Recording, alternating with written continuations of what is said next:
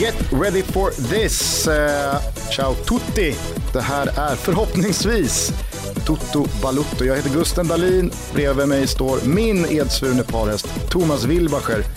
Ska du kort bara berätta vad som hände i det där eh, P-garaget i våras någon gång när vi försökte sjösätta Toto Balutto första gången. Ja, eh, och vi, du basunerade ju ut också att vi skulle starta eh, här, den här resan som Toto Balutto ska bli förhoppningsvis lång och eh, förhoppningsvis eh, framgångsrik. Nej, eh, det blev ju ett eh, riktigt debacle. Eh, vi lyssnade ju på det avsnittet och bara det att vi valde att sätta sätta oss i ett parkeringsgarage. Det kan jag inte riktigt förstå. Två våningar ner. Vittnar ju det, alltså, Vi begravde ju podden innan, den, innan vi hade tryckt på räck. Alltså ambitionsnivån överensstämde ju inte riktigt med hur vi valde att Eller ambitionsnivån var ju fin för vi hade pratat länge om det, hade väldigt mycket idéer. Men eh, resultatet blev ju uselt. Ja, så var det. Ja. Och eh, det var ju många som undrade vad fan la ni inte ut den för om man ska växa in i kläderna. Du och jag fungerar ju inte riktigt så. Alltså, jag, jag, jag är inte intresserad av att eh, liksom, dra igång något nytt och det är två svaga plus. Nej, men eh, på ett sätt så är jag helt övertygad om att det här är det första avsnittet, även om du och jag pratar dagligen och har gjort så eh, sen, sen vi träffades för två och ett halvt år sedan så eh, är jag helt övertygad om att det här avsnittet ger vi ändå två getingar. Det är skönt att dissa avsnittet innan vi ens har börjat. Men om, om, om några månader, vi, vi kommer, vi kommer få fart, den här podden kommer få fart och vi kommer hitta liksom in i kostymen på något sätt. Och det, det, det, ja, vi, börjar, vi börjar med det här och så får vi se vartåt det barkar. Vi kan väl säga så här, hör ni det här så vet ni att jag har gett avsnittet mer än två getingar. Och Just där, nu har du gjort det. därför känner mig trygg i att publicera det. Många av er som hör det här har också säkerligen hört våra röster förut. Då i en podcast som hette Calciomania som vi gjorde på Expressen. Eh, den hade ju väldigt, väldigt mycket fokus eh, på italiensk fotboll och även fast eh, vi såklart inte kommer negligera den italienska fotbollen, den vackra italienska fotbollen. Är den, vacker, italienska verkligen? fotbollen som är den verkligen vacker? Mycket om, Jag ställer mig emot det. Så kommer det här handla om så mycket mer, eller hur? Det är ju Toto Balutto, det är alltihopa, hela faderullan, rasket. Så är det och vi kommer dessutom eh, försöka att ha mer frekventa gäster Mm. Eh, än vad vi har haft tidigare under eh, våra samarbetsår. Och då såklart eh, gäster från olika delar av fotbollsvärlden. Det känns kul i alla fall. Mm. Det är kul att podda igen. Det var länge sedan.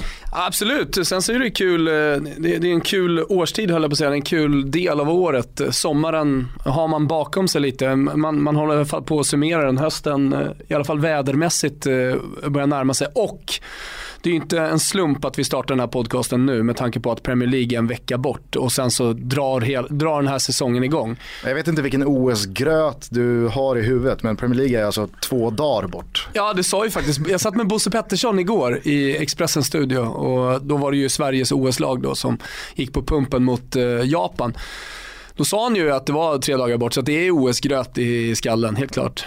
Och eh, precis som du är inne på så har det varit en extremt händelserik eh, sommar. Mer än vanligt. Det har varit både EM och det har nyligen avslutats för svensk del ett OS och däremellan så har det varit både svensk eh, fotboll blandat med en helt jävla galen silly season. Fy fan vad trött jag är på alla rykten. Konstanta rykten. Det blir för mycket. Nej, jag kan tycka att det är ganska nice. Jag gillar, jag gillar hela den här silly season. För tio år sedan så var jag mycket emot. Men eh, jag tror att man måste omfamna den. Man måste älska silly season. Och nu börjar vi närma oss deadline day också. Det är bara tre veckor kvar och sen så ska allting kulminera. Det känns som att den här deadline day kommer att bli den bästa på länge. Om vi bara tar de italienska lagen, eh, alltså typ Milan, Inter. Du börjar där ändå? Ja, jag, bör... jag börjar ändå i den ändan. Nej men så, så är de, eh, framförallt Milan då, inte kunnat värva i och med att eh, den här försäljningen till kineserna inte har varit klar. Men eh, ungefär 100 miljoner euro är ju vigda åt den här Mercaton. Eh, så, så vi vet ju om Galliani är fortfarande med i med och bestämmer och han är ju kung av den sista veckan även om de, om de senaste årens eh, deadline day-värvningar inte har fallit jätteväl ut. Ja, för Milans del, men, men, men kolla på Arsenal som fortfarande har saker att göra. Den klubben brukar dock inte knyta ihop några säckar sista dagarna. Nej, sen Men, så kan jag tycka att Real Madrid har varit eh, så märkligt eh, tysta. Ja. Och inte agerat speciellt eh, hårt. Nej. Eh, så att, eh, absolut finns det att göra. Galliani lär väl landa några lån med köpoption. Ja, i, i det här första avsnittet så tänker vi vara ganska aktuella och, och prata om eh, eh sånt som händer här, här och nu. Men kan vi inte bara kort summera, summera den här sommaren, hur den har varit? Du nämnde att den varit händelserik. För din del så, eh, ja, jag menar fotbollsmässigt för, för alla passionerade fotbollsälskare så har det ju varit en händelserik sommar. Har, man har haft möjlighet att kolla på väldigt mycket fotboll. Sen vet jag inte hur många som pallade med OS och, och kolla på det ganska trötta landslaget. Men, men skitsamma. Eh, det, det, som började med EM, din sommar har ju, har inte varit, det har inte hänt jättemycket med tanke på att du mest har legat på latsidan. Du har varit eh, på Sardinien, sen har du börjat med någon konstig golfsatsning och den, den kan jag liksom fortfarande inte riktigt förstå.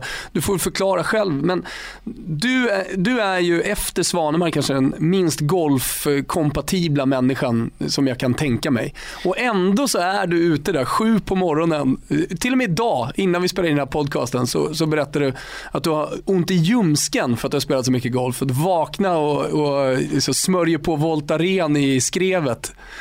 Så är det sluta spela golf? Alltså jag tyckte vi fick en flygande start här. Bra första sex minuter. Sen så ska du svänga av vägen in i något golfträsk. Ja, jag har spelat mycket golf den här sommaren.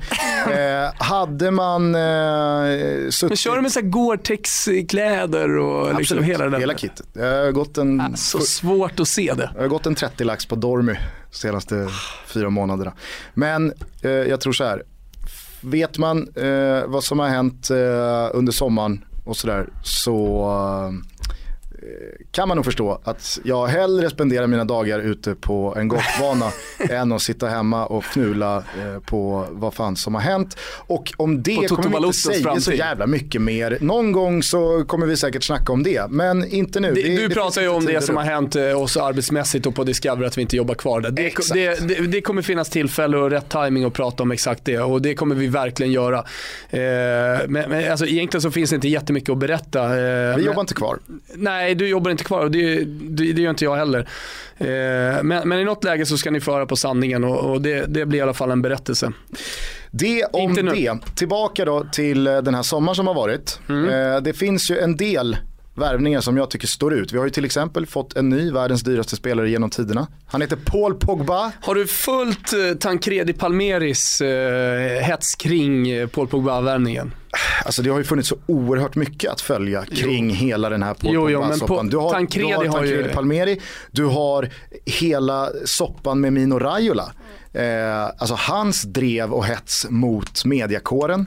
Du har Paul Pogba som har tagit sociala medier till någon slags ny nivå.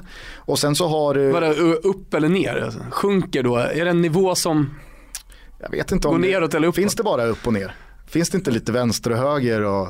Man, man, man, vet inte riktigt ah, okay, eh, vad det är. Ny destination. Ja, precis. det har varit en oerhört eh, påfrestande transfer det där. Jo, men jag tänker på Tancredi Palmeri för han har ju på något sätt då satt sitt rykte lite på sin spets här eh, genom att säga tidigt att Paul Pogba kommer att säljas för, då handlar det om summan, inte att han ska gå till, till Manchester United. För det måste jag, det måste jag ge Tancredi Palmeri, min vän, cred. I april när jag pratar med honom. Då säger han till mig att Paul Pogba kommer gå till Manchester United och att Zlatan också kommer gå till Manchester United och att det, det, det liksom var klart. Det kommer inte bli på något annat sätt. Och jag ställde på honom med LA du vet, för det, i början med Zlatan-ryktena så var det ju väldigt mycket snack om att han skulle då lämna den stora fotbollsscenen. Sen blev det inte så ju. Eh, men han, han, har hela tiden varit på det klara med det. Men sen då så har han gått ut stenhårt på Twitter om att han ska kosta 145 miljoner euro.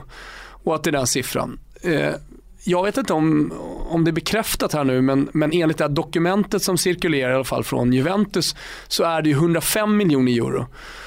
Och eh, av de pengarna så ska Juventus få med agentav, agentarvodena avskrivna och eh, ja, någonting mer, 76-78 miljoner. Han menade ju på att det då skulle vara 25 miljoner kronor, eller 25 miljoner euro till Mino Raiola. Mm alltså inklusive i de här 145.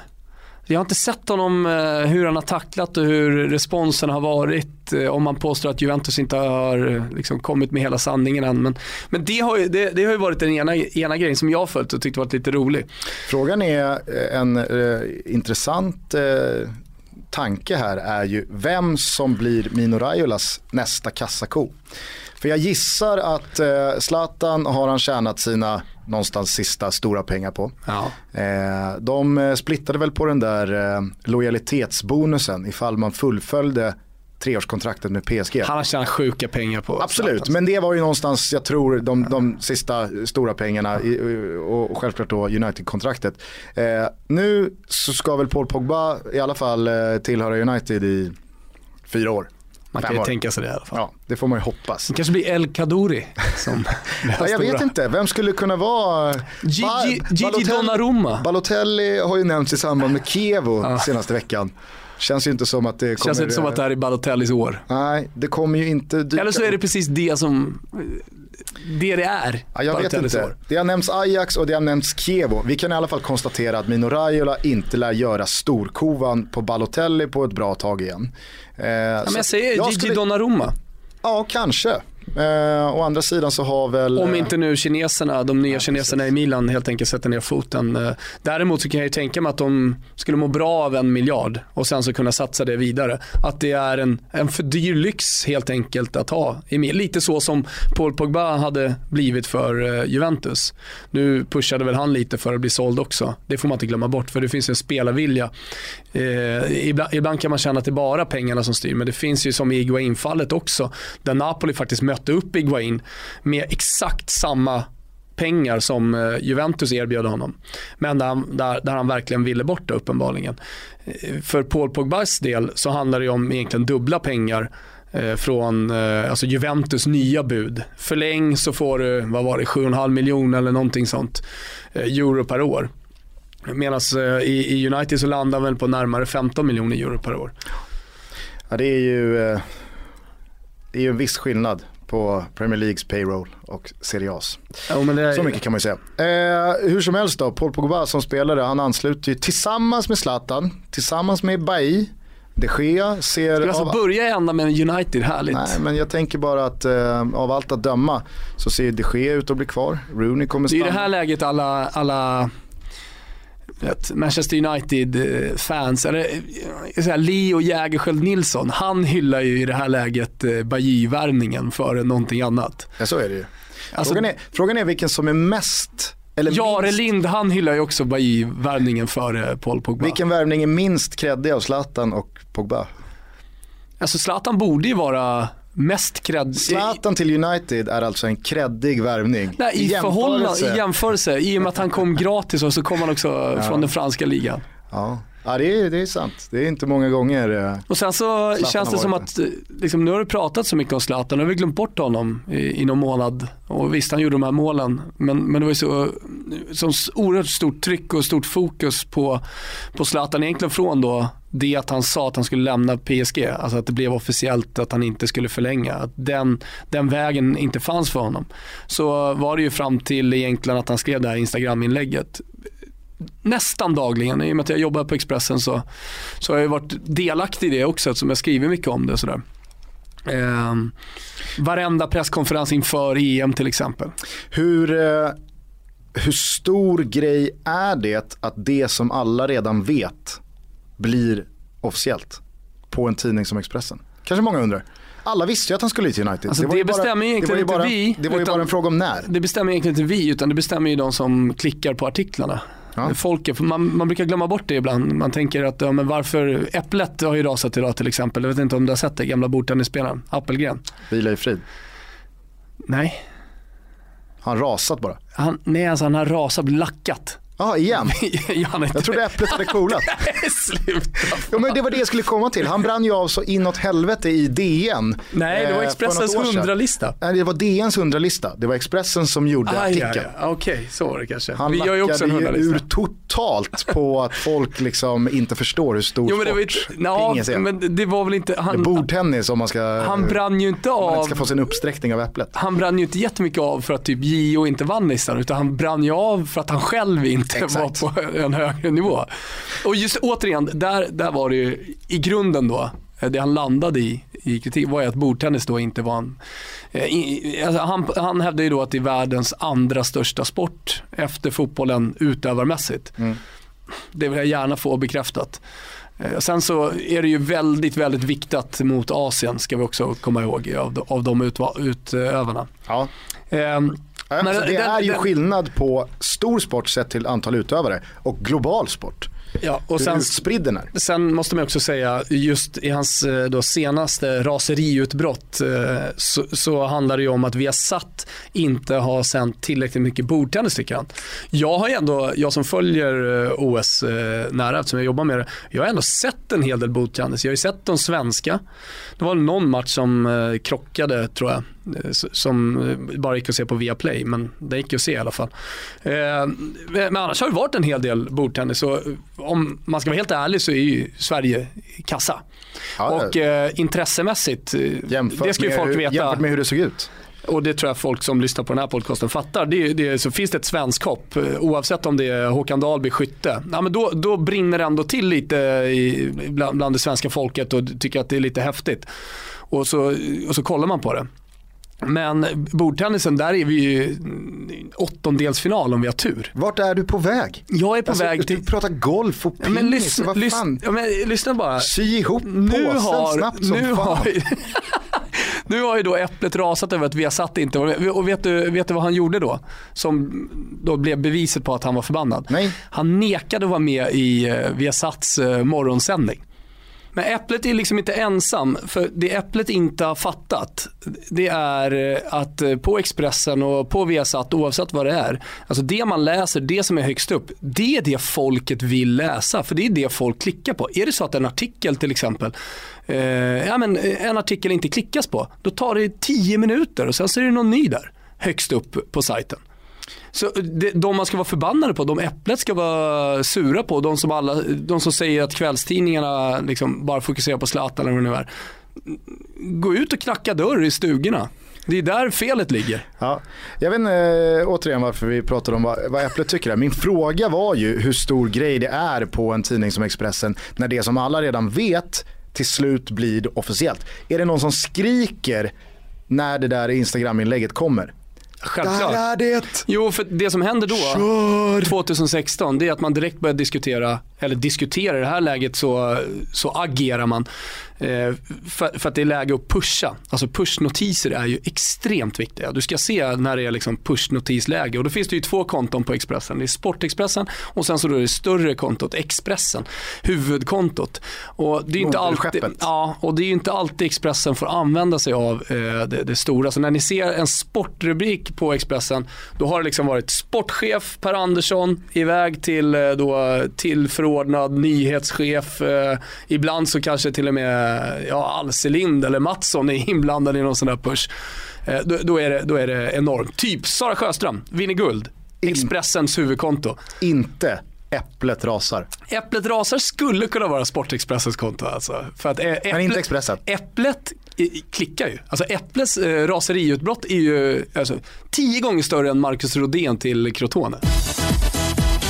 Det är inte bara Zlatan och Paul Pogba som har skiftat klubb. Det finns ju hur många spelare som helst som har bytt adress. Uh, on the top of your mind, vilka blickar du tillbaka på under sommaren och känner att det där är en värvning som jag kommer följa lite extra? Nej, men, alltså, kort bara eh, om transfermarknaden så, så, har det ju varit extremt aktivt och det har varit stora värvningar. Och det har ju såklart att göra med också eh, att eh, Ancelotti, nu har inte Bayern München gjort så mycket, men Ancelotti ny coach i Bayern München, Pep och Mourinho i samma stad, Conte till Chelsea. Eh, nu har inte Real heller gjort speciellt mycket, men Zinedine Zidans första sommar. Eh, och det, jag menar, då ska de sätta sin prägel på trupperna och självklart så så bidrar det. Sen så blir det ju lite kapprustning här nu också. Eh, där Manchester United får, man ändå säga leder. Eh, jag gillar Ben Arfa till, till PSG, det är ju en skön värvning. Jag såg att Dimikelis skulle gå till Espanyol också. Han inte bara skulle gå, han är klar. Han är klar till och med, du ser. Jag vet inte vem det är Man är ju som... alltid inaktuell när man gör en podcast om silly Ja, ja, Hur du än vrider och vänder på det. Eh, nej men jag vet inte vem som... Det, är, det här är ju ingen podcast om. Jag har bara landat där. Vem som rattar agenttrådarna i eh, team eh, Demichelis vet jag inte men eh, det är någon som har tjänat deg. Agenten ska ju ha sig en eloge. Ja. För att, eh, att kunna kränga den mittbacken fortfarande till ändå en, absolut inte toppklubb, men heller ingen, det är ingen nykomling, det är ingen slagpåse eh, i den belgiska ligan, utan det är ändå Espanyol i en stad som Barcelona i vad många mm, liksom, tycker är världens bästa liga. Där har han en säsong till i sig och det är helt sjukt. Han är ju så jävla slut man kan bli. Jag skulle, jag skulle kunna tänka mig att göra en lista när, eh, eller kunna tänka mig, jag gör en lista när hela silly är över. Då pratar vi 2 september. Mm. Så i det avsnittet så kan vi, vi kanske gör två listor då. De, de som vi tycker är bäst. Så kan man göra en sån här Leo-lista. Kanske ska be Leo göra en sån lista. Vilka tycker han har varit bäst värvningar? Och då vet man ju att Paul Pogba och Zlatan Ibrahimovic kommer inte vara med på den. Alltså den här eh, nördlistan. Är du med? Ja, absolut. Eh, och för de som inte är med på vem Leo är så pratar vi om Leonard Jägerskiöld Nilsson. Vet inte alla vem Leo är? Nej, det tror jag inte. Okay. Jag tror inte han vill att alla ska veta. Han, han vill ju vara också smal. Liksom. Eh, han är producent eh, på Discovery. Som vi tycker om väldigt mycket. Absolut, absolut.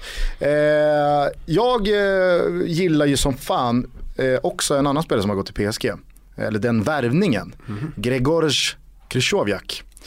Han har ju du och jag som har följt Europa League väldigt eh, tätt. Ja, vi har ju sett allt. De senaste eh, säsongerna.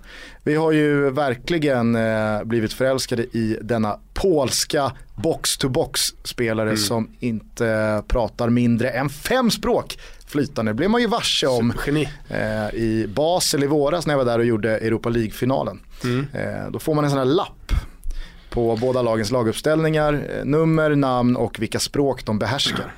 Och Krychowiak han gick liksom utanför eh, raden. Du, du var ju där på den Europa League-finalen tillsammans med Soran Ismail. Mm. Han har ju blivit mer och mer fotboll. Har du tänkt på det? Absolut. Det är, från Liverpool-supporter in i typbladets webbsändningar till mm. Eh, den här podcasten som han har tillsammans med förbundet. Ja. Eh, där han, jag måste ändå säga, där han ändå är edge med tanke på att beställaren är förbundet. Ja, och, herregud. Eh, allt vad det innebär. I, eh, när jag var i EM och härjade runt, för det var väl det jag gjorde nere i Frankrike. Nej, inte bara. Då, spra då sprang jag på honom på Camp Sweden eh, nere i festivalområdet. Där han liksom var en bland alla andra och drack bärs och kollade på fotboll. Eh, tänkbar gäst i det här programmet kanske. Absolut. Mm. Dessutom så tycker jag att Soran har haft eh, väldigt många, senast idag, torsdag 11 augusti, hade han ganska många roliga frågeställningar, så här polls på Twitter. Mm -hmm. eh, som jag kommer eh, granska Oftast imorgon. är ju inte de jätterelevanta. Nej men han frågade vilka, vilket, lag, eh, vilket lag av de här fyra tror ni kommer missa Champions League och vilka, vilket lag tror ni kommer göra fansen mest besvikna. Det jag menar är att han... han, han inte i... Alltså, han, han är, som du, jag, du slog första slaget här igen på någonting som vi inte skulle prata om egentligen. Men varför gör Soran, ja, varför gör han en sån poll? Jag vet inte. Han eh, vill väl eh, ha en övergripande koll. Okay. Mm. Han vill väl eh, få till en härlig diskussion. Det, är, det, är väl, det är väl bra att det snackas fotboll. Absolut. Men sen var vi med tillsammans i eh, Martin Sonnebys eh, EM-podd. Mm. Eh, när vi skulle tippa. Och det är någonting som också har verkligen, alltså som har, som är direkt kopplat till EM. Att då ska helt plötsligt alla tippa. Tipsa. Ja, eller tipsa. Man ska göra. Och de som har kommit ett steg längre, de ska ju också betta ja. på, på någonting. Och där hade ju Sonneby, han hade ju tagit två lax till 23 000. Du kan tänka den stoltheten. Men just det här med att eh, journalister, alltså kollegor, hela tiden ska tippa saker och ting. Det är någonting som, som har stört mig under, under den här sommaren. Ja, alltså jag lägger ju mycket, mycket större vikt vid någons analys. Exakt. Än att det här slutar säkert 3-0. Men ly, lyssna, lyssna på Olen Klint som, som är en vän till oss visserligen, men, men som är den jag ser upp till absolut mest vad det jag gäller Jag tror att du i ett sånt här liksom första avsnitt, det är ja. många som är med oss ja. sen eh, tidigare episoder och säsonger och andra poddar. Men vi, vi, kan inte direkt börja slänga oss bara med Olen och Leo. Det, okay. det, det funkar inte riktigt. Daniel Oleklint, eh, Sveriges absolut eh, främsta eh, spelare. Och sp med spelare så pratar jag inte om fotbollsspelare utan han spelar på sportspel eh, och investerar pengar då i, i sportspel. Eh, och, alltså, vi har en podcast ihop som heter Spelpodden. Skitsamma i det. Han, det är hans analyser jag är intresserad av. Och de analyserna är sprungna i eh, extrem kompetens vad det gäller fotboll. Eh, kompetens för att han kan se fotboll, han kan se saker på planen, han minns matcher till exempel. Manchester United när de mötte typ det här motståndet där, då gick det så här och så här. Är du med? Eh, så begåvad som fan. Och sen att det i slutändan, och sen ser han ju väldigt mycket matcher, 35-40 matcher i veckan. Men att det sen liksom, landar i tre analyser i veckan, tre bra spel. Det har ju ett enormt värde. Men att sitta och kolla på någon sändning Oavsett om det är tv eller webb-tv. Med någon journalist som bara slänger ut sig utan att motivera. Det är det som jag liksom inte förstår riktigt. Att här, utan en analys slänger ut sig ett tips. Det blir 3-0. Ja, varför då? Vadå 3-0? Varför då? Ja, ja exakt. Och, och underbygger du med en analys så kan du fortfarande ha rätt. Ja. Trots att resultatet... Sluta tippa! Tro... framförallt sluta tipsa. Och det hade inte, om alla de här som håller på och är experter och tipsar och ser mycket fotboll och alltihopa, men som uppenbarligen inte kan göra analyser och motivera. Om de nu, alla de här hade vunnit, då hade det inte funnits några spelbolag. Så är det. Eh, från det tillbaka till Krychowiak som alltså Nästa har... gång din vän säger att ah, jag vinner massa pengar på betting, då vet du att han ljuger. För det finns inga, inga, det finns inga som vinner pengar på sikt på spel. Som du känner som lyssnar på den här podden. Jag känner några, få. Ja. Eh, tillbaka då till Krychowiak. Jag har haft ett uselt år på spel. Men jag börjar Håll, kä äh, håll käften. Eh, tillbaka till Krychowiak. Ja jag tycker att det är en handen i handsken värvning. Och jag gillar handen i handskar värvning. Arr. Eh, jo, jag, jag, är ju dock... Följer han sin tränare? Eh, dels så följer han sin tränare och det gillar man ju också. När tränare plockar med sig en spelare från en klubb till nästa klubb. Och i det här då fallet så är det ju då en större klubb. Mm. Än, uh, han då, då ser man en uppväxling för båda. Precis. Och jag gillar, jag gillar de typerna av värvningarna när det är så tydliga rollspelare, när det är lite av den här tränarens förlängda arm ute på planen spelartypen. Eh, jag tror att Krychowiak kommer eh, passa oerhört bra i PSG och jag kan tänka mig att eh, det kan skapas magi på det där innermittfältet med Matuidi, Verratti och Krychowiak. Enda smolket i den här bägaren det är att jag hittar ju inte en plats i elvan för min gubbe Thiago Motta. Nej, men Thiago Motta, han börjar faktiskt bli lite till åren. Jag vet att Daniele De Rossi sa ju det inför EM. Eh, e När Thiago Motta fick ganska mycket dissar då av, den, eh, av de italienska fansen. Framförallt så var det ju många som eh, inte gillade att han hade tian. Exakt, och det var ju så det inleddes. Eh, den sämsta tian genom tiderna i det sämsta italienska landslaget genom tiderna som visade sig inte vara det sämsta landslaget. Skitsamma. Eh, men eh, han, han, han tystade inga kritiker i EM så att säga. Och han har ju varit väldigt skadedrabbad så att Thiago Motta kommer ju få svårt att ta en plats i PSG om han ens är kvar när transferfönstret är över. Han känns lite för dyr för sitt eget bästa. Han känns framförallt eh, alldeles för dyr för eh, att PSG ska liksom hitta en annan lösning. Ja, precis. Och han är ju det är liksom lite eget... Crescito-problematiken här. Han är för dyr för sitt eget bästa i då jakten på en ny klubbadress. Exakt. För, han, men, han för sitt eget bästa, vad är, alltså, för, för, du tänker rent sportsligt, men han mår nog ganska bra alldeles oavsett vad som händer och hur mycket speltid han får. PSG ska spela på två fronter och det är kupper så han kommer få sina 25 matcher alldeles oavsett om han inte är ordinarie. Mäktigt om han tar över tian efter Zlatan. Jag har inte sett nya numren i PSG, men det vore ju helt magiskt ifall eh, han hugger tian även där. Men se Cavani stänka 30 den här säsongen. Är det så? Ja. Är det se det hända-läge? Ja, men det var, det var väl eh, samma läge i Napoli, alltså när han kom dit. Från att ha spelat på en kant i uruguayanska landslaget, en kant i Palermo. Och så sätter de upp honom på topp. Det var han som var den stora stjärnan, det var han som skulle göra målen, det var han hela laget spelade för. Det är ju det som kommer hända nu i, eh, i PSG den här säsongen.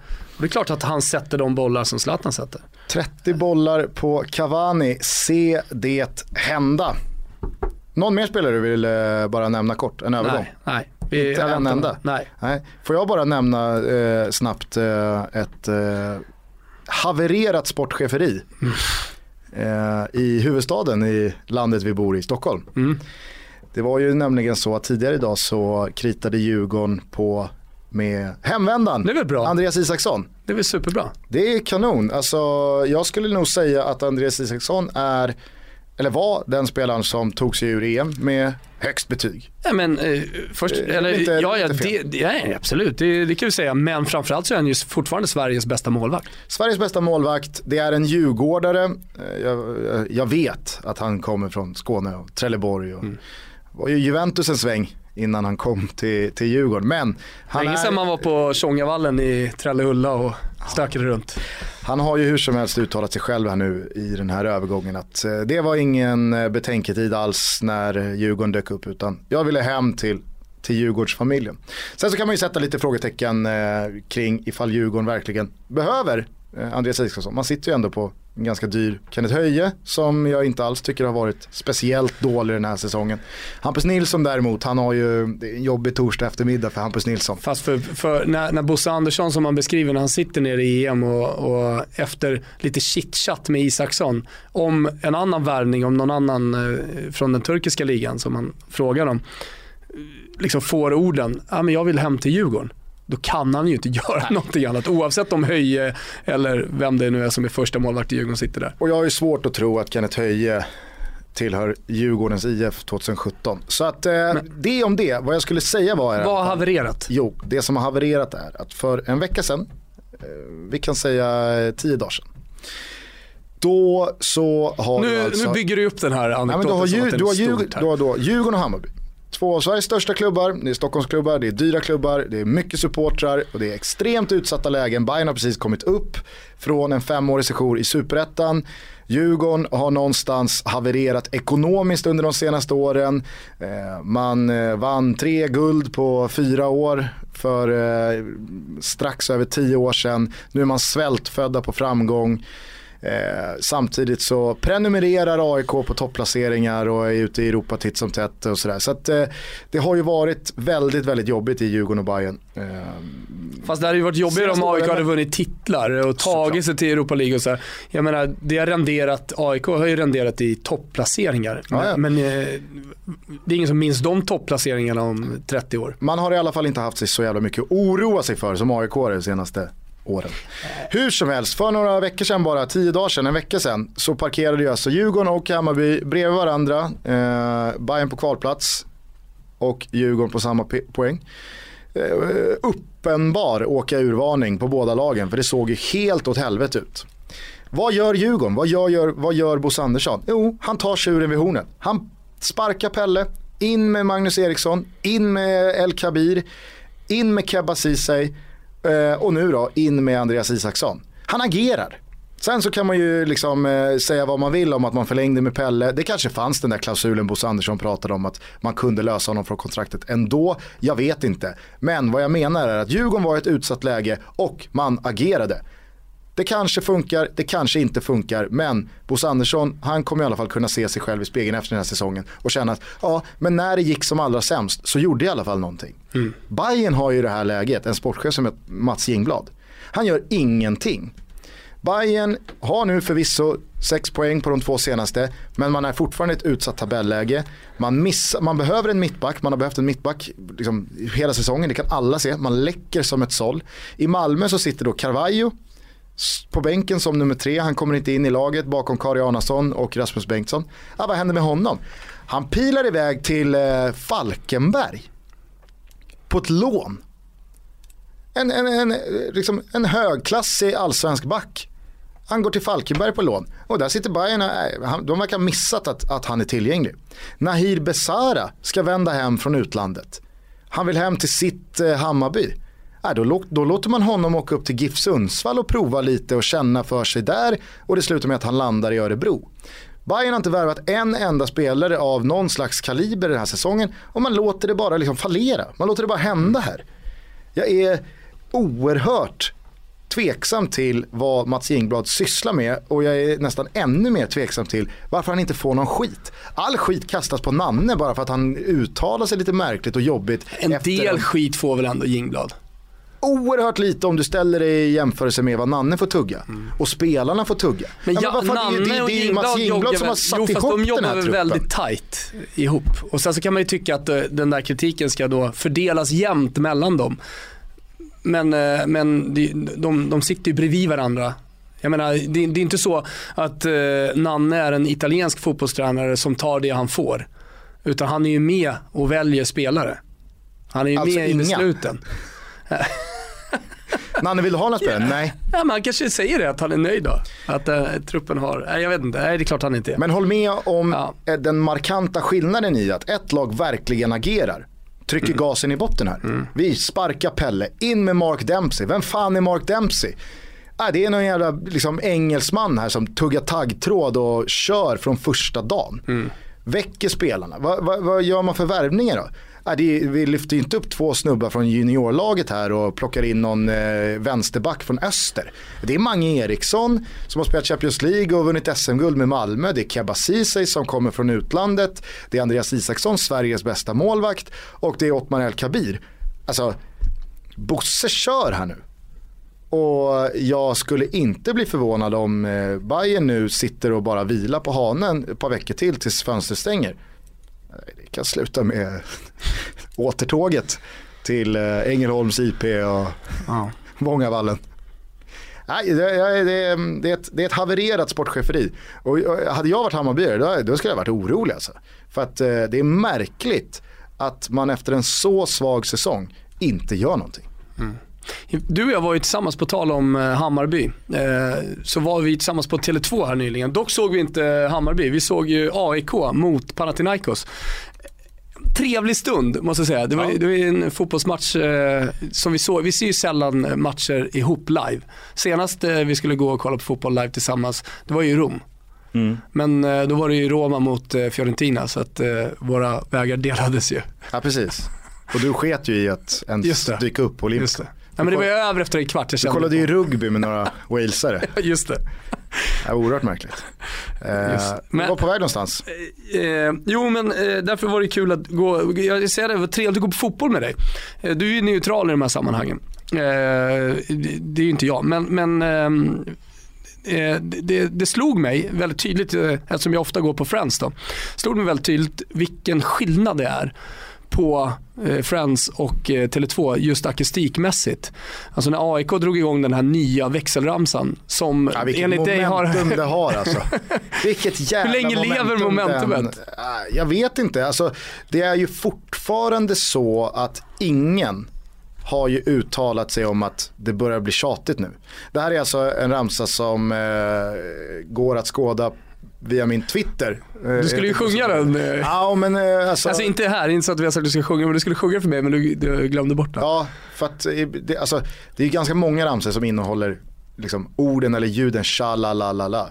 Och ibland, är, ibland tappar man melodin. Sha-la-la-la-la, alltså det är så det går. Ja. Exakt, sha-la-la-la-la, A, sha-la-la-la-la, I, sha-la-la-la-la, K. Vi är AIK. Eh, och, så, och, och då i matchen mellan AIK och Falkenberg så var det några stå då som drog igång den här. Någonstans tvingade med båda långsidorna. Mm. Att de, de, ni, ni, vi kommer köra den här tills ni börjar allihopa. Och så stod det väl 2-0 och det ja, såg väldigt bra ut. Och det var eh, grym stämning. Jag ska bara säga det att på Tele2 där blir det, ju, det blir någonting annat. Ja, absolut. 15-16 000 på Tele2 nu var ju visserligen hela Norra stå full och det är de som låter, men ändå, nu med sittplats och så vidare, det låter ju dubbelt så mycket som mm. på Friends. Ja, då, det... blir man ju, då blir man ju lite ledsen. Ramsan har ett momentum men vilket och, Tele2, lag... och Tele2 eh, är ju verkligen, eh, det, det, nu har ju jag varit på Tele2 mycket mer än vad du har. Eh, och jag menar, det är riktigt bra volym och stämning där när Djurgården spelar matcher och det är bara 13-14 tusen. Och det är ju alltså att eh, jämföra med Bayerns kanske 25, 26, 27 tusen. Men där finns det ju en mycket större andel som inte sjunger på samma sätt som de här 7, 8, 9 hårdkokta Eh, Djurgårdstusen. Nej, men eh, det, det intressanta med den här Panathinaikos-matchen i alla fall var ju att det var Stramaccioni och en av hans eh, liksom, första matcher med det här nya laget då som han har byggt under den här sommaren. Alltså, det, det, lag. Ja, det, det, det är ett märkligt lag, det konstaterade vi ju snabbt. Det är som att någon det, har det är liksom ett konstigt eh, ihopkok. Det är som att någon har suttit och spelat FM på syra. Precis. Alltså där finns Ibarbo, gamla Cagliari-spelaren. Och eh, Roma-anfallaren, och- för all del. Herregud. han som skulle lösa en del knutar i Roma. Jag kommer ihåg när det snackades om att Alltså, det viktiga, Ibarbo, det, viktiga Marcus är, Berg. att- det viktiga är att Victor Ibarbo ler. Alltså när någon börjar prata om huruvida en anfallare ler eller inte mellan spelsekvenserna. Varn- Men det är, det är ett omaka par. Mm. Eh, Marcus Berg och Victor Ibarbo. Sen, kanske det är så att de två passar perfekt tillsammans. Men dessutom då med Ledesma på mittfältet. Och Niklas Hult. Niklas Hult i laget. Jag pratade med en taxichaufför i Nice. Eh, som var Nice-supporter då såklart. Han eh, gillade ju Niklas Hult men jag tror att han bara sa det för att han hade en svensk mikrofon i, i ansiktet. He's a good team player. Ja. Han har ju onekligen valt sina geografiska platser att spela fotboll på. Efter sin tid i blåshålet Borås. Ja, Först ett par år i Nice och nu då Aten. Nice är ju eh, ett bra ställe att landa i. Mm. Det var ju som eh, Pontus Farneruds eh, karriär, hamnade i Monaco. På den tiden var det inga skatter heller. Han krämade ju ut maximal, alltså utifrån hans talang. Om man jämför talang och vad han fick betalt så var det ju max. På tal om Ben Arfa, du vet ju vart han kom ifrån när han gick till Nice då. Han var ju lagkamrat med Niklas Hult här. Han, han lämnade ju Hull. Mm. Det är också ett bra uppköp geografiskt. Han har ju gjort eh, några bra år här och har landat i, i PSGs ambitiösa superprojekt.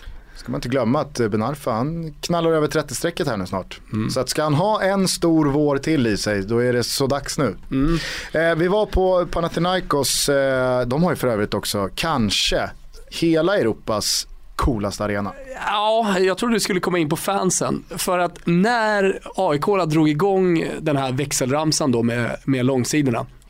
Då lackade ju de 250 tillresta Panathinaikos-fansen. De, de, blev, de blev inte bara taggade, det kändes som att de fick vrede i sig när de hörde att det sjöng så högt. Och då, jag har aldrig hört 250 personer låta så mycket som de gjorde. Det stampades och framförallt så rycktes det ju i det här staketet. Det är några bultar som rök där, måste det ha varit. Och så körde de ju sin egen variant då, eh, på någon form av växelramsa där. Alltså det var ett jäkla drag. Sen så viskades det väl om att eh, det stod ett par bajare där. Som har gemilagio eller eh, Friendship med eh, Panathinaikos. Så att eh, de kan ha blivit förstärkta. Det, är- jag har inte, jag har, I så jag har fall så på det. röjde de Bajarna på bra. Absolut. Tele2, klart bättre än Friends akustikmässigt. Ska vi landa i det? Mm. Ska vi säga något kort om våran älskade sponsor också? Andys Frukt. Ja, eh, det kan vi göra. Anders Frukt är ju en grossist av italienska delikatesser och eh, som ni hör frukt och grönt, Andys frukt. Eh, men det är inte det vi vill uppmärksamma utan vi vill uppmärksamma ett projekt då som eh, Anders, eller som eh, Andis frukt eh, håller på med och det heter Un altro giro. Det här projektet finns på Instagram, det finns också på Twitter. Där heter det som sagt Un altro giro som stavas UN alltså. Och giro med G-I-R-O, så det är Un- altro giro. Följ dem på Instagram, följ dem på Twitter. För det pågår nämligen Un altro giro, en resa eh, genom Italien eh, där Christian Borell och eh, Toli Bacci som är VD för eh, eh, Eh, är påläggskalv eh, på eh, frukt. Det är ju eh, en italiensk, eh, alltså klassisk italiensk eh, såhär, mellanstort företag som eh, eh, är familjeägt. Så pappa började och så nu håller stafettpinnen lämnas över till Tony. Men du vet ju hur det är, eh, där italienare. Alltså, stafettpinnen hålls i ganska hårt. Ja, alltså barnbarnen Bacci har ju inte en chans. Nej, nej, nej. nej. Det är ingen jävla handelshögskolan där Nej. inte. Men tronföljden säger i alla fall att det, det, det är Tony som, eh, som ska ratta skutan här framöver. Eh, och I det här bokprojektet i alla fall så, så reser de runt i Italien och eh, ja, testar tryffel och mozzarella, allt möjligt. Eh, tomater, bara en sån sak, datterino-tomater. Följ det, det, det är ett skönt Instagramkonto och på tal om slutprodukter, boken kommer ju här någon gång i höst. Eh, och det, det, det, det kommer vi följa såklart. Ja, vi gillar Anders Frukt, vi gillar Christian Borell, vi Heja. gillar Unaltro Giro. Ska vi bara bränna av en liten, liten eh, snabbis om Premier League som står för dörren. Mm, det tycker jag. Eh, vi har ju redan pratat om Manchester Uniteds värvningar. Däribland så... Trist att snacka om Manchester Jag Uniteds vet. värvningar. Jag tycker bara, säga, jag liksom? tycker bara att det, det enda namnet som vi utelämnade av de stora in är ju demonen på tränarbänken, José Mourinho. Mm. Hur snabbt tror du att eh, han kan få effekt på Direkt den här klubben? Direkt. Han gör alltid starka första år, ska vi komma ihåg, eh, Mourinho också. Eh, så det, det, det tror jag och det tycker jag man redan ser tendenser. Och sen så är, det ju ett fantastiskt lag som han har byggt ihop här nu. Eh, så att, och är det någon som liksom ska få ihop alla de här världsstjärnorna så är det ju José Mourinho också. Så, så det, det kommer säkerligen få effekt snabbt. Men sen så går vi ju som, återigen för att koppla an till Bosse Pettersson, så går vi ju mot en historisk Premier League-säsong.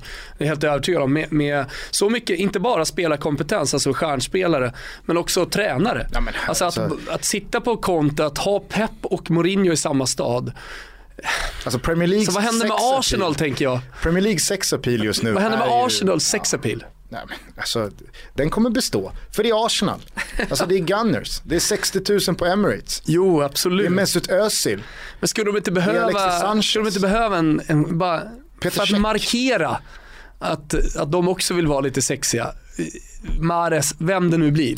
Mares hade ju varit en, en Ja, väldigt bra de värvning. inte, alltså just för markeringen mot fansen, alltså i- som en symbolvärvning, så kan jag tycka att, att de borde göra någonting. Även om det är liksom för dyrt mot vad, det, det vet man ju först i efterhand. När, när, när spelaren liksom säger tack och hej. Frågan är bara vem som de skulle kunna plocka dem. Vem som är ledig. Ja, det är... Släng upp 80 miljoner för Icardi då. Ja men eh, helt ärligt. Money well spent. Ja, alltså, varför inte? Han strutar ju inte några 30 i alla fall. Som Nej men han gör ju jag säga. 20. Du vet, har du sett, eh, på tal om att göra många mål eh, och sköna värvningar. Alltså det laget, om jag nu får då gå ner en bit i, nu pratar vi Manchester United och sånt där, det här är bara ett litet sidospår. Om man får gå ner en bit i fotbollskompetens. Cagliari. Jag vet inte om du, hur, hur mycket du har hängt med i deras värvningar den här säsongen. Men det är ju Ja, profil på profil Ja, ja, som, som värvas in. Först Borrello- börjar jag med, med chocken med Bruno Alves. Precis i samma vega som han sparkar någon i huvudet i genrepet för Portugal inför EM. Och sen så kliver ju faktiskt Bruno Alves in, i vilken match var det? Var det mot Portugal han fick spela eller var det i Han semifinalen? spelar i Portugal. Så att... Nej, Polen menar jag. Var det i kvartsfinalen? eh, ja det var det. Polen, Det var det väl. som, som han fick hoppa in och göra det riktigt bra. Bruno Alves, där såg man i alla fall inte komma. Nej. Borriello. Och Borriello kan ju många tycka är slut och sånt där, men nu har han i alla fall ett vad, eh, Marco Borriello, eh, med eh, Christian Vieri. Och där kan man i och för sig stanna och, och bara kort uttrycka, eller jag, jag vill göra det, uttrycka hur trött jag är på hela det här Bomber, Ignorante, Christian Vieri på Instagram som Han spelar strandfotboll. med han Vacchi, entreprenören från Bologna. eh, Som har superkroppen. Men Så om vi tyckte att Paul Pogba någonstans har brutit ny mark på sociala medier så har ju Bobo Vieri fullständigt Ja, men han har ju blivit sköningen då som alla, inte bara i Italien men i hela världen då, älskar och tycker är så jävla härlig. Och han lever ju då ett drömliv i Formentera eller på Ibiza eller om det är Porto Cervo var han nu befinner sig. Spelar som sagt strandtennis, gör någon rolig dans på någon segelbåt, eh, tar någon rolig selfie. Buggar lite med sin tjej. Men, men, men det man, alltså jag är ju verkligen, verkligen trött på liksom att, det, här- att det ska vara så skönt med Christian Vieri. Och det här kulminerar då på presskonferensen när Cagliari ska presentera Marco Borriello. Jag tycker att det är ett hån mot fansen.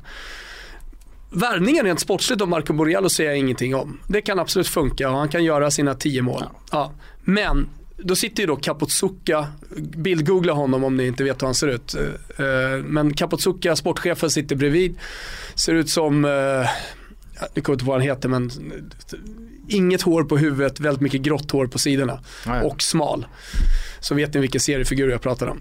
Men skitsamma, Eh, då sitter han då på presskonferensen ska jag bli presenterad och då kommer det då ett liksom, Facetime-samtal heter det va, på en padda. Och det är då, Mark, eh, det är då Bobo Vieri. Som eh, utmanar Borriello. Att han då ska pröjsa semestern nästa år, hela semestern.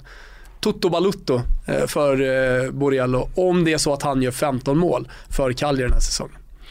Och eh, Borriello t- antar då eh, utmaningen, hela presskåren skrattar lite och det, så- det, det är så roligt. Där och då, om det inte hade dött innan, där dog den lilla, lilla charmen som fanns kvar med Bobo Vieris eh, instagrammande. Hur ska du hitta Sociala tillbaka, medande. hur ska du hitta tillbaka till eh, vägen här nu då? Vad var jag? Du var ju på ett par sidospår. Ruskigt ringrostigt här. Jo, men, jo, det var ju att, eh, att Cagliari trots allt, alltså Marco Borrielli är en del av den, alltså gör en eh, skön sommar. De har redan många sköna profiler i laget. Joao Pedro är en av dem. De behövde göra en profilvärvning, Arsenal. Men det Ja. lär de inte göra. Ja, säg inte det. Nej, det skulle väl, eh, tycker- jag det skulle väl bli eh, körsbäret i drinken här om Icardi slutar Du ville prata lite Premier League. Ja, jag skulle fråga dig så här. Eh, håller du United som laget att slå eller håller du något annat lag City. före dem? Alltså United blir ju kanske lite laget att slå just för alla stjärnvärvningar men vi får inte glömma om, eller glömma bort eh, City, det, liksom den spelartruppen de redan satt på. För här var det ju ett liksom Manchester United som verkligen behövde byggas om spelarmässigt. Men Pep Guardiola tar ju över spelarmaterial som jag håller i alla fall betydligt bättre än det som van eh, eh, hade. Eh, och, och så samtidigt då, jag vet inte hur mycket du har sett av Brasilien, nu har ju de varit ganska dåliga i OS, men Gabriel Jesus igår, visserligen mot ett svagt danskt landslag, men han, han ser ju jätteintressant ut. Det är ju på siktvärvning, han kommer inte komma in och göra skillnad för Pep Guardiola nu. Men eh, Leroy Sané, också en, en, en jättebra värvning på sikt, också kanske nu ett, eh, för han är vi, vi har ju kört mycket Bundesliga ju, jobbat med, med studion där på Discovery. Det gör vi inte längre. Vet du vad jag skulle vilja säga, se det hända? Ja. Det är kring eh, Otamendi. Se det hända.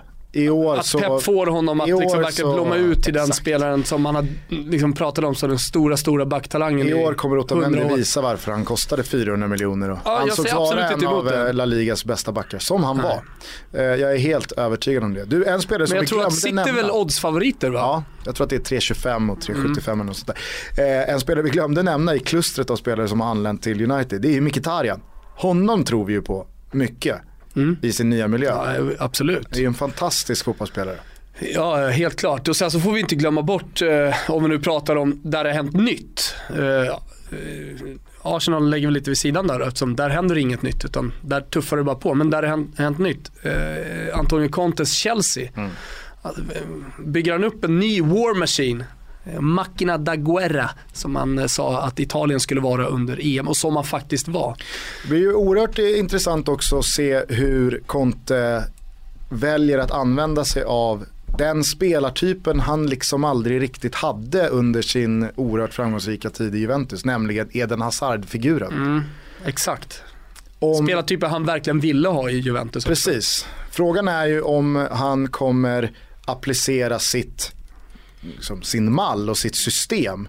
Och här ska alla rätta sig in i maskinen för maskinen funkar. Eller om man skräddarsyr en roll för en Eden Hazard. Vad tror du? Jag tror att det blir någon kombination av det. Det är jag helt övertygad om. Alltså, Antonio Conte är inte vad många verkar tro. En eh, tränare som är helt fast i en modell. Utan han, han har, även om det kanske på pappret, eh, på laguppställningen ser ut att vara ett 3-5-2. Eh, så finns det såklart nyanser i det där. Så jag är helt övertygad om att han kommer hitta en perfekt roll till Eden Hazard. Kanske den största tränarprofilen av alla. Ah, jag vet inte, det är hugget som stugget. Men Jürgen Klopp sitter ju och rattar Liverpool. Exakt, och haft en sommar på sig här också. Vad tycker du om deras eh, värvningar? Där saknar man ju de här håll käften-namnen. Det måste man ju säga. Sen om det är för att Jürgen Klopp tror på sin filosofi om att inte värva så. Det har han ju aldrig haft en eh, historia av att göra. Utan han förädlar ju eh, unga eh, talangfulla spelare som inte kostar hela spargrisen. Men jag kan tycka att det absolut saknas eh, en del komplement. Eh, sen så är det väl klart att Ragnar Klavan och Karius i mål. Det, jag vet inte, alltså, jag, alltså, Klavan såg man inte riktigt komma heller. Absolut inte. Det, vet du vem som har hetsat om Klavan? I mitt Twitterflöde. Och det är också den enda personen. Då kanske många som tror att det är Oskar Kisk. Nu droppar jag namn här återigen. Eh, som är estländare eller halvestländare. Nej, den som har hetsat om Ragnar Klavan. Det är Tancredi Palmeris brorsa Angelo Tancredi som bor i Estland. Och eh, som ja, men uppenbarligen gillar det. Och långt innan Liverpool värvade honom. Menar på att liksom, där har vi en spelare, den enda estländaren som verkligen skulle kunna gå till en, en stor klubb. Ja. Ja, vad, jag, vad, jag, menar är att det känns som att Liverpool har Cred inte... till Angelo Palmeri vill jag säga. Ja, det, det kan Från vi... liten schnitzel. Lillschnitzeln till Angelo. Eh, men, som sagt, jag tror att Klopp är mer filosofi än namn. Mm. Ja, han vet vad han vill, absolut. han vet vad han eh, behöver. Men ja, jag, vet, jag har svårt att se Liverpool verkligen utmana dem. Mm. De största bufflarna. Du, eh, kort ord eh, om eh, den tyska ligan och bara toppklubbarna Men där. vänta, vi kan Nej. inte lämna Premier League. Nej. För att det finns två lag kvar eh, som vi måste nämna. Eh, Tottenham jag bara tänkte när du pratade om Jürgen Klopp, då, då kom jag osökt att tänka på Mario Götze, jag kommer att tänka på Hummels eh, Hummel som har sagt att han, inte, han aldrig skulle gå till eh, Bayern München i samband med att Götze gick. Och vad hände i sommar då? Gick Hummels till Bayern München och Götze tog vägen tillbaka. Och alla lämnade Wolfsburg. Och alla det är ungefär så man kan, eh, Wolfsburg. Det är ungefär så man kan summera Och Wolfsburg, de ska köpa Zaza. Ja. Det blir inte av. Men äh, jag, jag, vill inte prata så mycket, jag ville bara nämna det. Ja. Att, ja, men okej. Jag trodde du var på väg någon helt annanstans. På, att det skulle sluta med någon jävla skytte eller något. Lerduvetrapp från eh, Rios utkanter. Hur som helst, eh, Tottenham stod ju för Hade det varit Calciomania så hade jag ju nämnt att eh, Italien tog silver i, i trappen igår. Ja. Mm. Han var också, den italienaren var ju självklart den enda som inte körde med sportbössa utan körde med liksom gammal, gammal hagelbrakare. Den har funkat. Den har, den fun Avsågad hagelbrakare. Ja, minischnitzel då till italienaren med hagelbrakan. Eh, Tottenham stod ju för en oerhört bra säsong i fjol. Schnitzel tror jag skulle säga. Även fast man inte slutade tvåa, det gjorde ju till slut Arsenal. Eh, så var det ju någonstans, det såg ju alla att när guldet väl var kört till Leicester så då sprack ju hela ballongen. Men, man visste ju att Arsenal skulle sluta tvåa eh, när Olen hade lirat Arsenal bäst i London. Ja. Så man såg det komma där på slutet när de åt upp poängen mot Tottenham. Ja men Tottenham, Tottenham tappade ju all, eh, det, det, det, fanns ju ingenting att spela för. De var klara för Champions League men guldet var kört. Hur som helst, man har ju fått behålla eh, hela gänget. Eh, spelare som Dele Alli och Dyer och eh, Harry Kane har blivit ett år mer rutinerade. Eh, jag tror att eh, Tottenham blir farliga. Eh, alltså att, farliga vinna? Farliga. Nej, men jag tror att man definitivt kommer vara med i topp 4 Eh, racet. För vadå? Och anledningen är att de är ett år äldre? De har fått behålla sitt lag. Eh, Pochettino... Och då är de per definition bättre än fjolårssäsongen? Ja, men alltså Pochettino är ju en tränare som, du ser ju hur han har, hur han har valt att bygga sitt lag. Eh, han ger sina spelare oerhört stort förtroende. Eh, och det är ju ett lag som bara är, alltså Tottenham, jämför Tottenham i mars med Tottenham i september. Den farten han fick på det laget är jag helt övertygad om att det, kommer inte, det stannar inte där. Uh, och du om någon är väl en förespråkare för kontinuitet i ett fotbollslag? Absolut, absolut. Att får du då behålla i princip hela ditt lag, krydda med någon spelare här och där och gå in i uh, säsong utan att behöva kvala sig in i Champions League. Det blir i och för sig intressant att se hur Tottenham tacklar eh, ligan kontra ja. Champions League. För att nu är det inte längre Europa League. Tottenham har ju, de har ju eh, luftat sitt lag ganska friskt mm. när det väl var Europa League. Mm. Men eh, jag tror att eh, Tottenham kommer absolut vara med Men vad i gjorde, de under, vad gjorde de under Europa League då som som du brann verkligen för? Ja, de spelade ju Heung Min Son Som nia. som nia, Ja. där han ska spela centralt. Då kommer målen. Exakt. Eh, jag tror att Tottenham definitivt är med i topp 4-racet. Och det innebär ju med den Ja, så fina uteslutningsmetoden att eh, något av de allra största lagen kommer så att säga floppa för att Mm. tala kvällstidningslingo. Mm. Sista ordet bara. Regerande mästarna, Leicester. Vad har du för tanke kring eh, Ranieris gubbar det här svåra andra året? Nu har de ju väldigt mycket pengar och alltså, nu har ju Leicester verkligen blivit en verklighet eh, om du, om du jämför med klubbar i stort sett i alla andra ligor som ligger precis under då toppen. Alltså, om man inte pratar såg- Juventus, om man, om man glömmer bort lite Dortmund och Bayern München, jag menar, då, de skulle kunna kliva in där och vara ett topplag. Med dem, med, jag menar rent ekonomiskt. Man har ju fått behålla Vardy, eh, topp, eh, tappat eh, Kanté och Mm. Vi räknar väl någonstans bort Riyad Mahrez.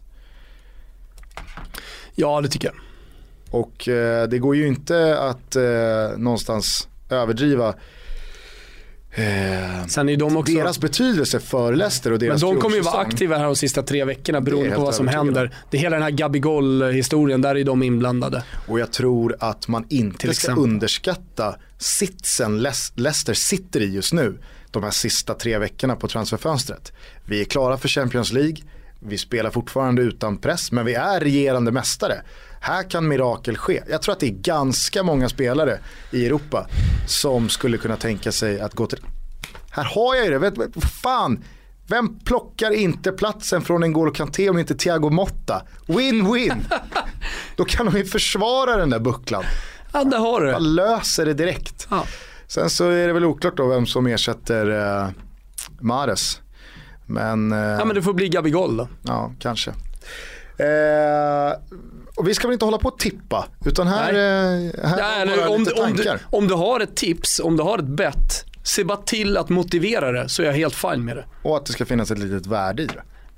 Det är också en, Ja. en del av det. Ja, men även om man inte har koll på värde så man kan i alla fall börja med att motivera varför ände. man tror. Det är rätt ände.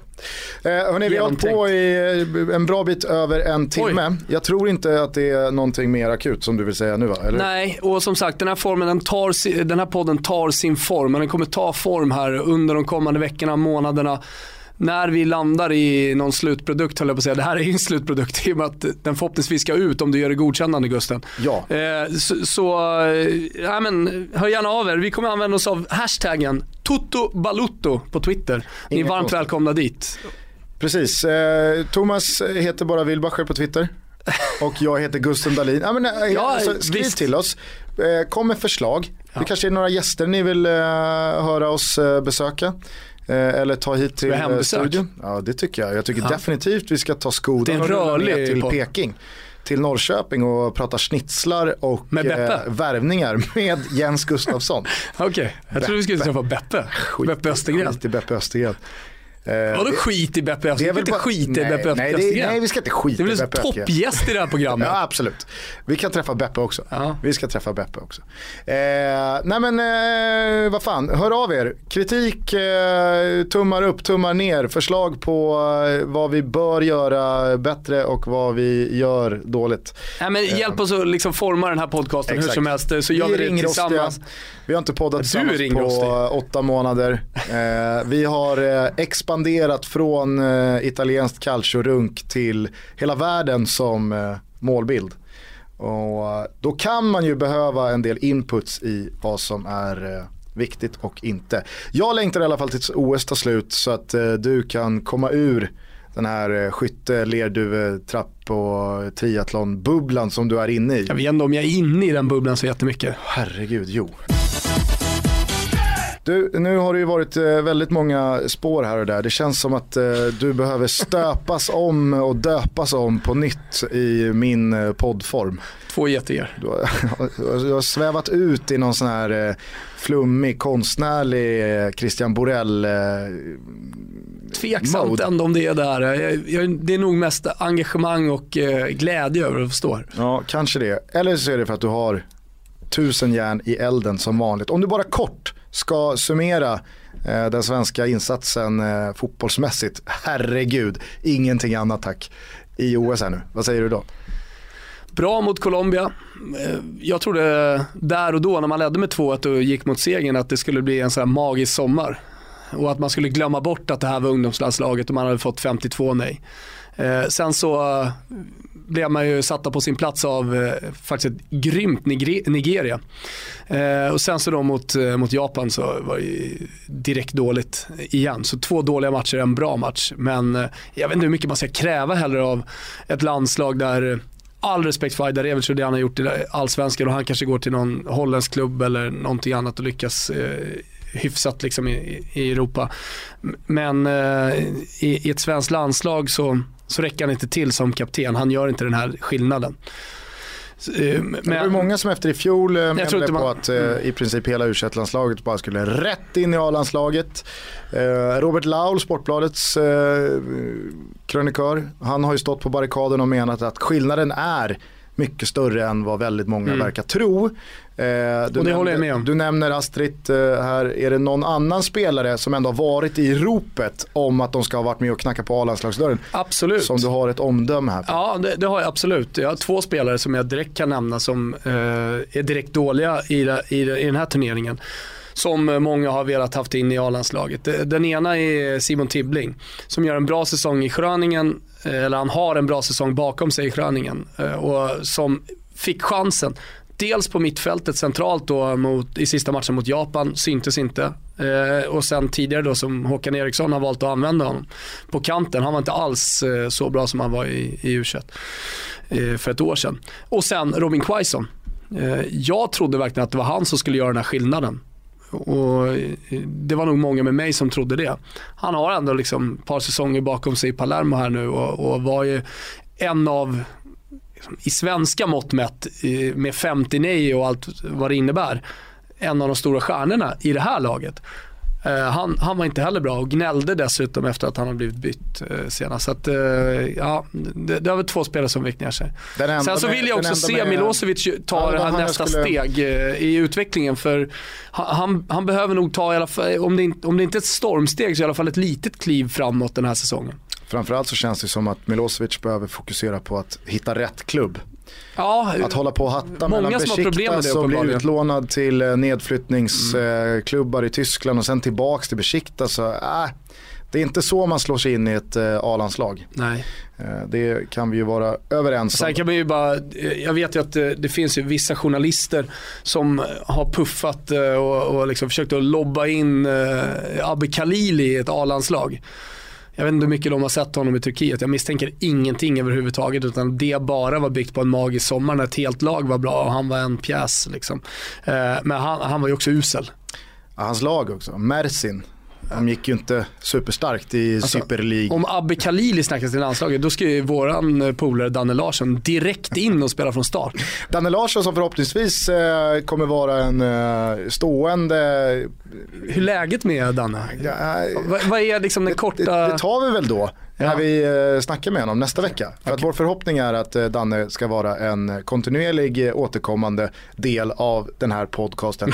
Vårt, vår, vår, vad säger man, utrikeskorrespondent. Ja, ja bra. Vårt öra mot, mot... fotbollsbetongen. Okay. Den riktigt jobbiga fotbollsbetongen ja. där ute i den stora vida världen. Jag tycker inte synd om honom.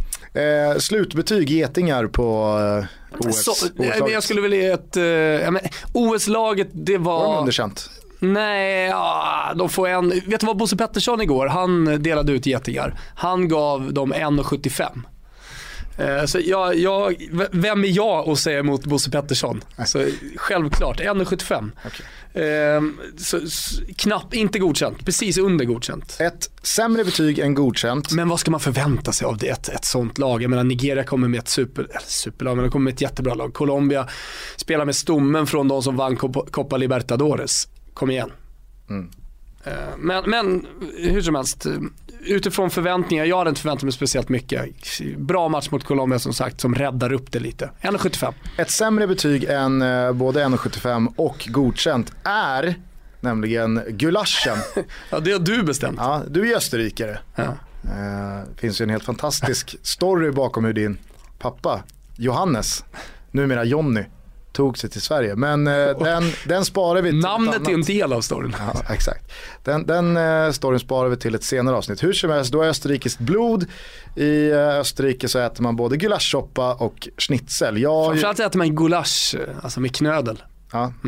Eh, jag vill ju eh, dra mig till minnes här och känna att när man gick i skolan och det stod gulaschsoppa på griffeltavlan, att det var det till lunch.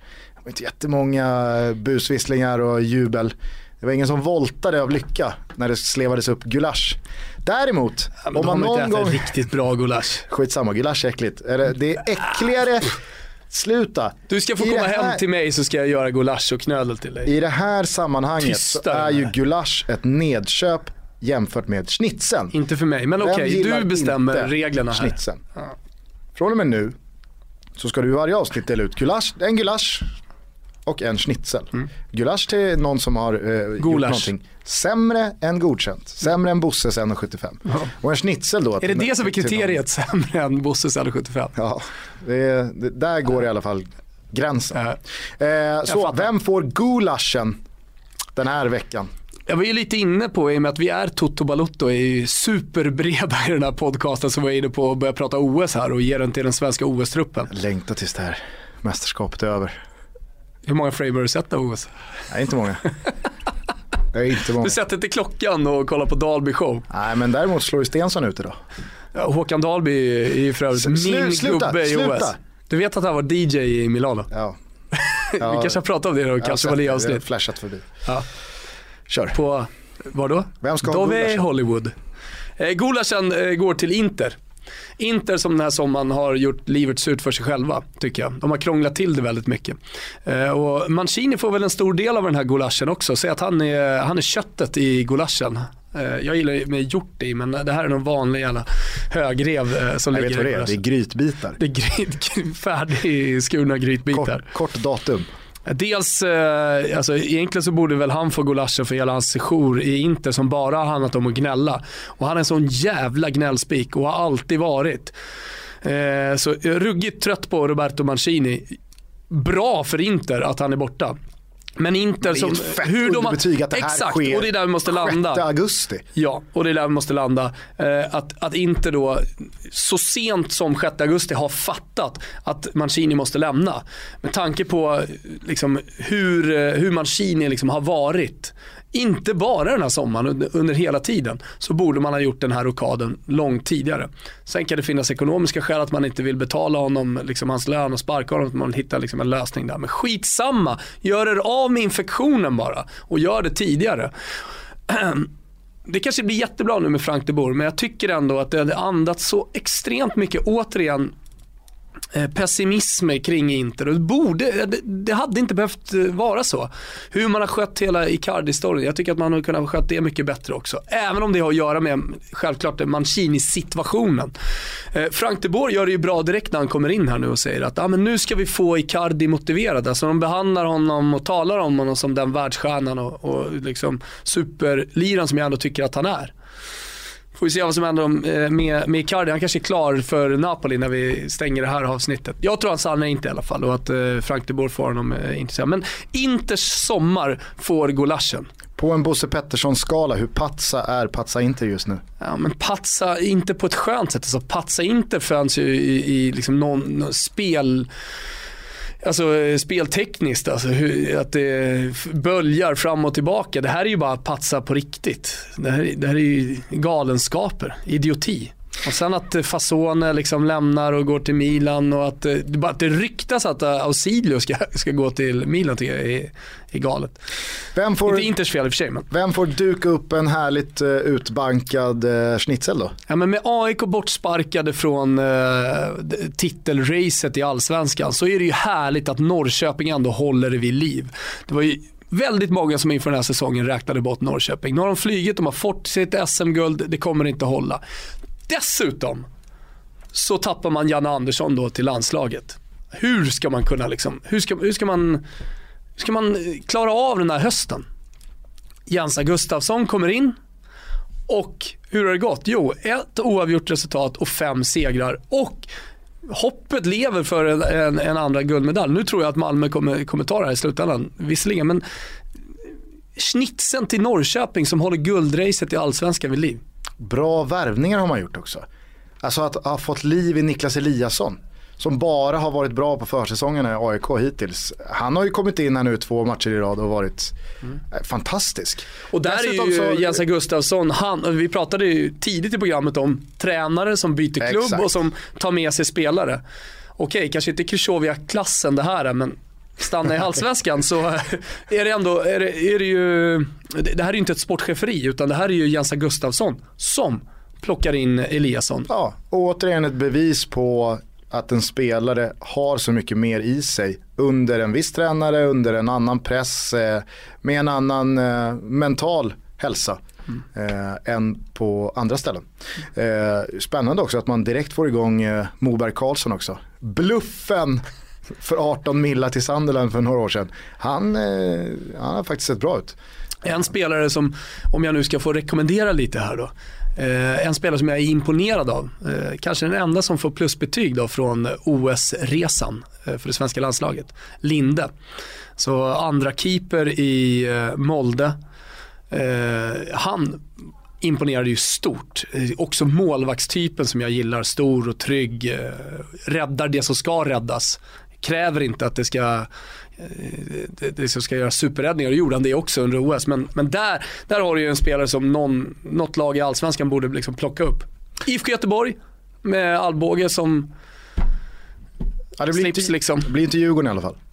Nej, det blir det inte. Men det, det, det, det kanske är då tips till Mats Gren. Ja, och, eh, men man kan i alla fall säga, på tal om målvaktssituationen och Norrköping, så det var ju verkligen i grevens tid man agerade. Ut med Andreas Weikla som alla har sett inte håller på den här nivån. Och in med din landsman, Langer. Vilken king det har varit alltså. Han är ju så jävla stabil. Alltså en sån här 32-årig legoknäckt. Ja, ja, ja okej okay, nu ska jag till Norrköping. Ja. Ja, det går väl att stoppa, ja, det. det. går att stoppa bollar här också. Exakt. Ja, klockren värvning alltså. Eh, schnitzel till Norrköping som håller guldracet till liv. Du nämnde bara AIK där, att de har fallit bort. Ja, nej men... Räknar du bort Blåvitt också? Nej, inte till 100% det gör jag inte. Men jag tycker att Malmö ser så pass starka ut så att jag tror att det är, det är någon poäng för mycket. Framförallt så ser ju... Eh, och Norrköping också väldigt bra. Framförallt så ser det ju ut som att ifall IFK Göteborg skulle slå ut Karabag mm och ta sig Vilket in i Vilket jag inte tror de gör, för det är ditt gäng Karabag, Gugge. Alltså, man, man, ska, man, ska, man ska ha lärt sig en gång för alla när man följer svensk fotboll. Att liksom så som vi pratar om Karabag och Limassol och ja. Apoel och börjar prata om drömlott hit och drömlott dit. Vad fan tror du de säger om svenska lag? Det var ju Vad tror du Karabag säger om att de fick... i Azerbajdzjan när Göteborg Gud, alltså. kom upp på tavlan. Var, men du kommer ihåg när Norrköping då mötte Rosenborg? Ja, vinnaren mellan Norrköping och Rosenborg. Så du tänker får, hur många får, får som slaktades och grillades i liksom. Azerbajdzjan. Vad, vad, vad, tror du de, vad tror du de sa nere på Cypern? Okej, vi får alltså vinnaren mellan IFK Norr, Norr, Nork, Norr, Norrkö och liksom Rosenborg. det var dålig, dålig irritation av cypriot. Nej men du förstår, de säger exakt samma sak, om inte ännu mer, om de svenska lagen. Ja. Med det sagt, skulle Blåvitt eh, nu gå in i Europa League, eh, all cred till dem, grattis. Men med det så försvinner ju också guldet, om det nu inte redan har gjort det. Hoppet Jag... kanske står i värvningen av Linde då? kanske.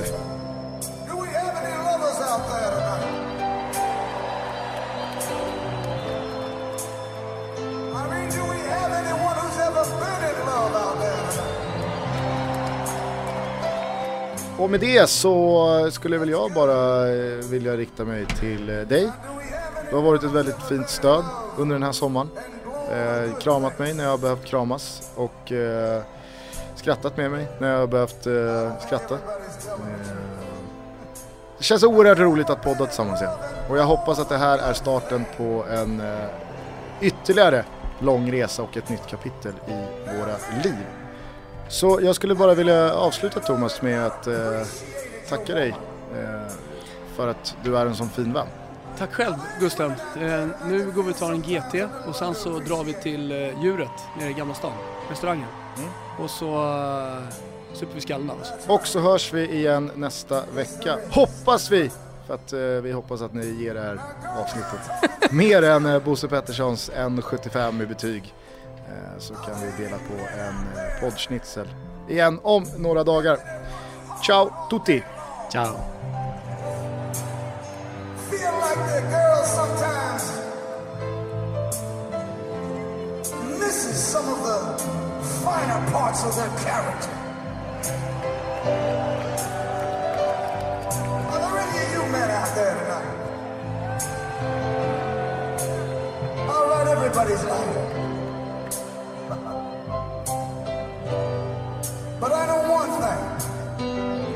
Everybody's been at that place where You've let something go that you wanted back. You let something good go that you wanted back. Some guys like to play it cool, some girls like to play it cool. But I always think that if you want something, if you need something, if you're hungry for something, if that something is a part of your soul, and your life and your happiness, then you better get right out there and don't be ashamed to fight and to beg for it. You better be ready to get down on your knees.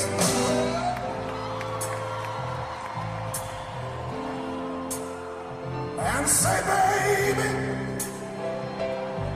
I was so só